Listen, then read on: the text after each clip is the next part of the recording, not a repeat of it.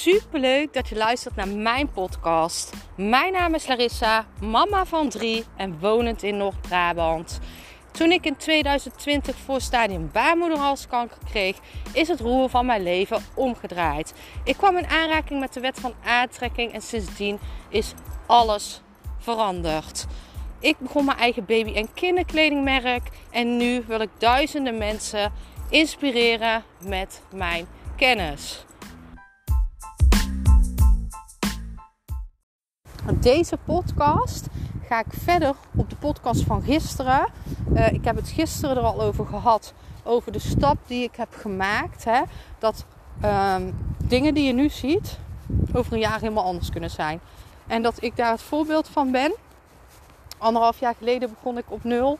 En nu kan ik zeggen dat ik gewoon een pand heb voor Believe. En daar ben ik super, super trots op. Maar wat heel veel mensen niet weten is dat ik ook gewoon een hele grote tegenslag heb gehad. Uh, ik heb een team mensen die voor mij werkt. Uh, het is echt een heel fijn team. Uh, werkt goed, goede kwaliteit. Ehm, maar ik wilde uh, iets meer uitbreiden omdat ik zelf ook nog wel wat dingetjes deed. Um, en ik ben natuurlijk nu ook met dit begonnen. Um, merkte ik dat ik het dat ik gewoon iemand erbij nodig had. En zo kwam ik bij een super lieve, lieve vrouw terecht. Het klikte, het was leuk, ze werkte goed, het was echt perfect. Uh, maar wat gebeurde er nou? Twee weken voordat de collectie op de markt kwam, een week voordat uh, ik de fotoshoot had, um, werd zij ziek. Uh, heftig ziek. En dit betekende dat uh,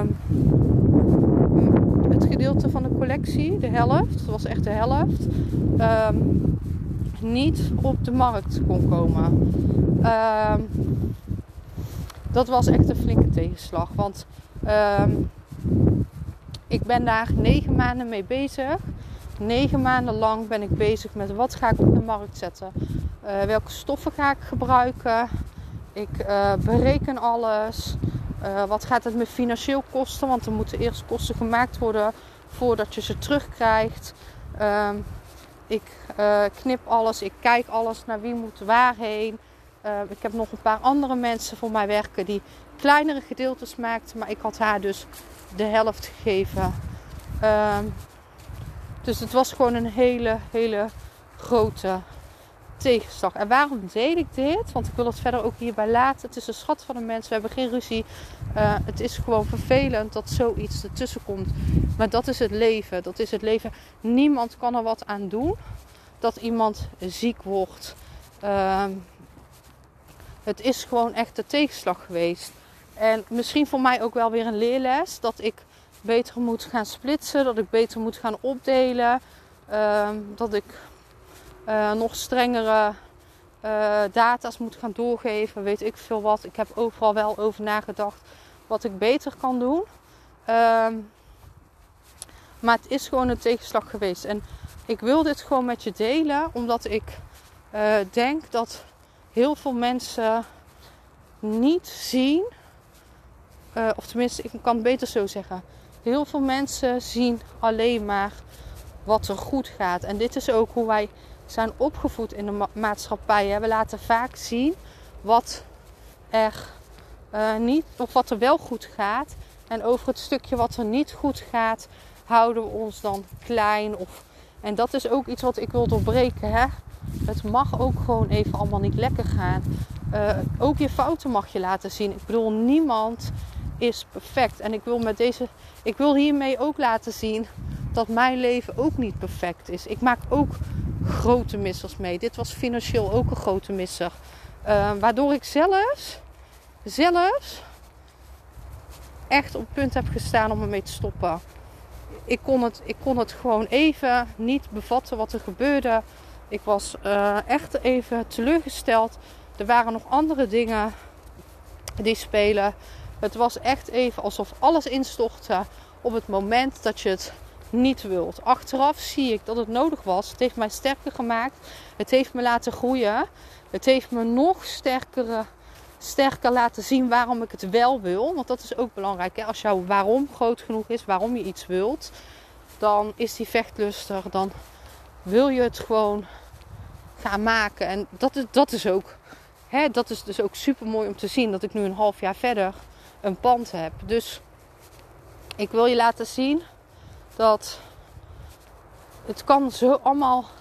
Uh, het kan zo tegenzitten.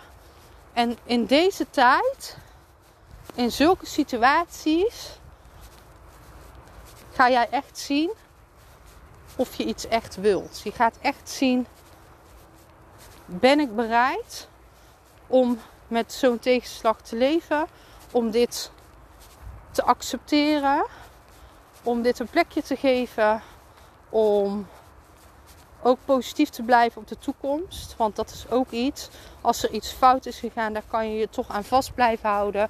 Die energie kan jij weer meetrekken in de collectie die gaat komen of in de stappen die gaan komen. Ehm, maar kan jij jezelf dan genoeg motiveren om toch door te gaan?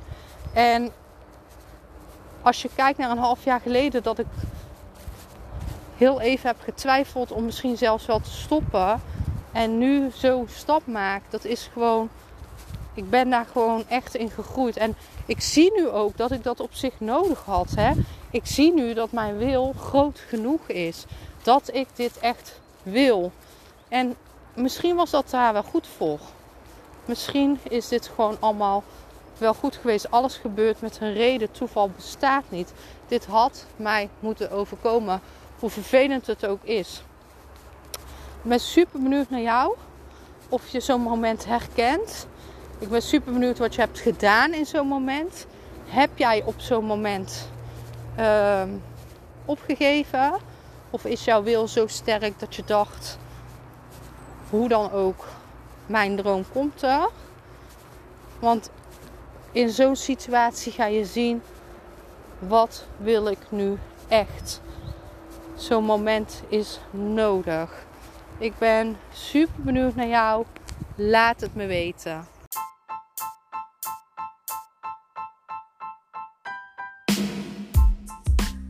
Super bedankt voor het luisteren van mijn podcast. Ik zou nog één dingetje van je willen vragen en dat is: zou je alsjeblieft deze podcast willen delen in je Instagram story en mij een beoordeling willen geven? Je helpt mij niet alleen, maar ook zoveel anderen om mij beter te laten vinden. Liefs Larissa.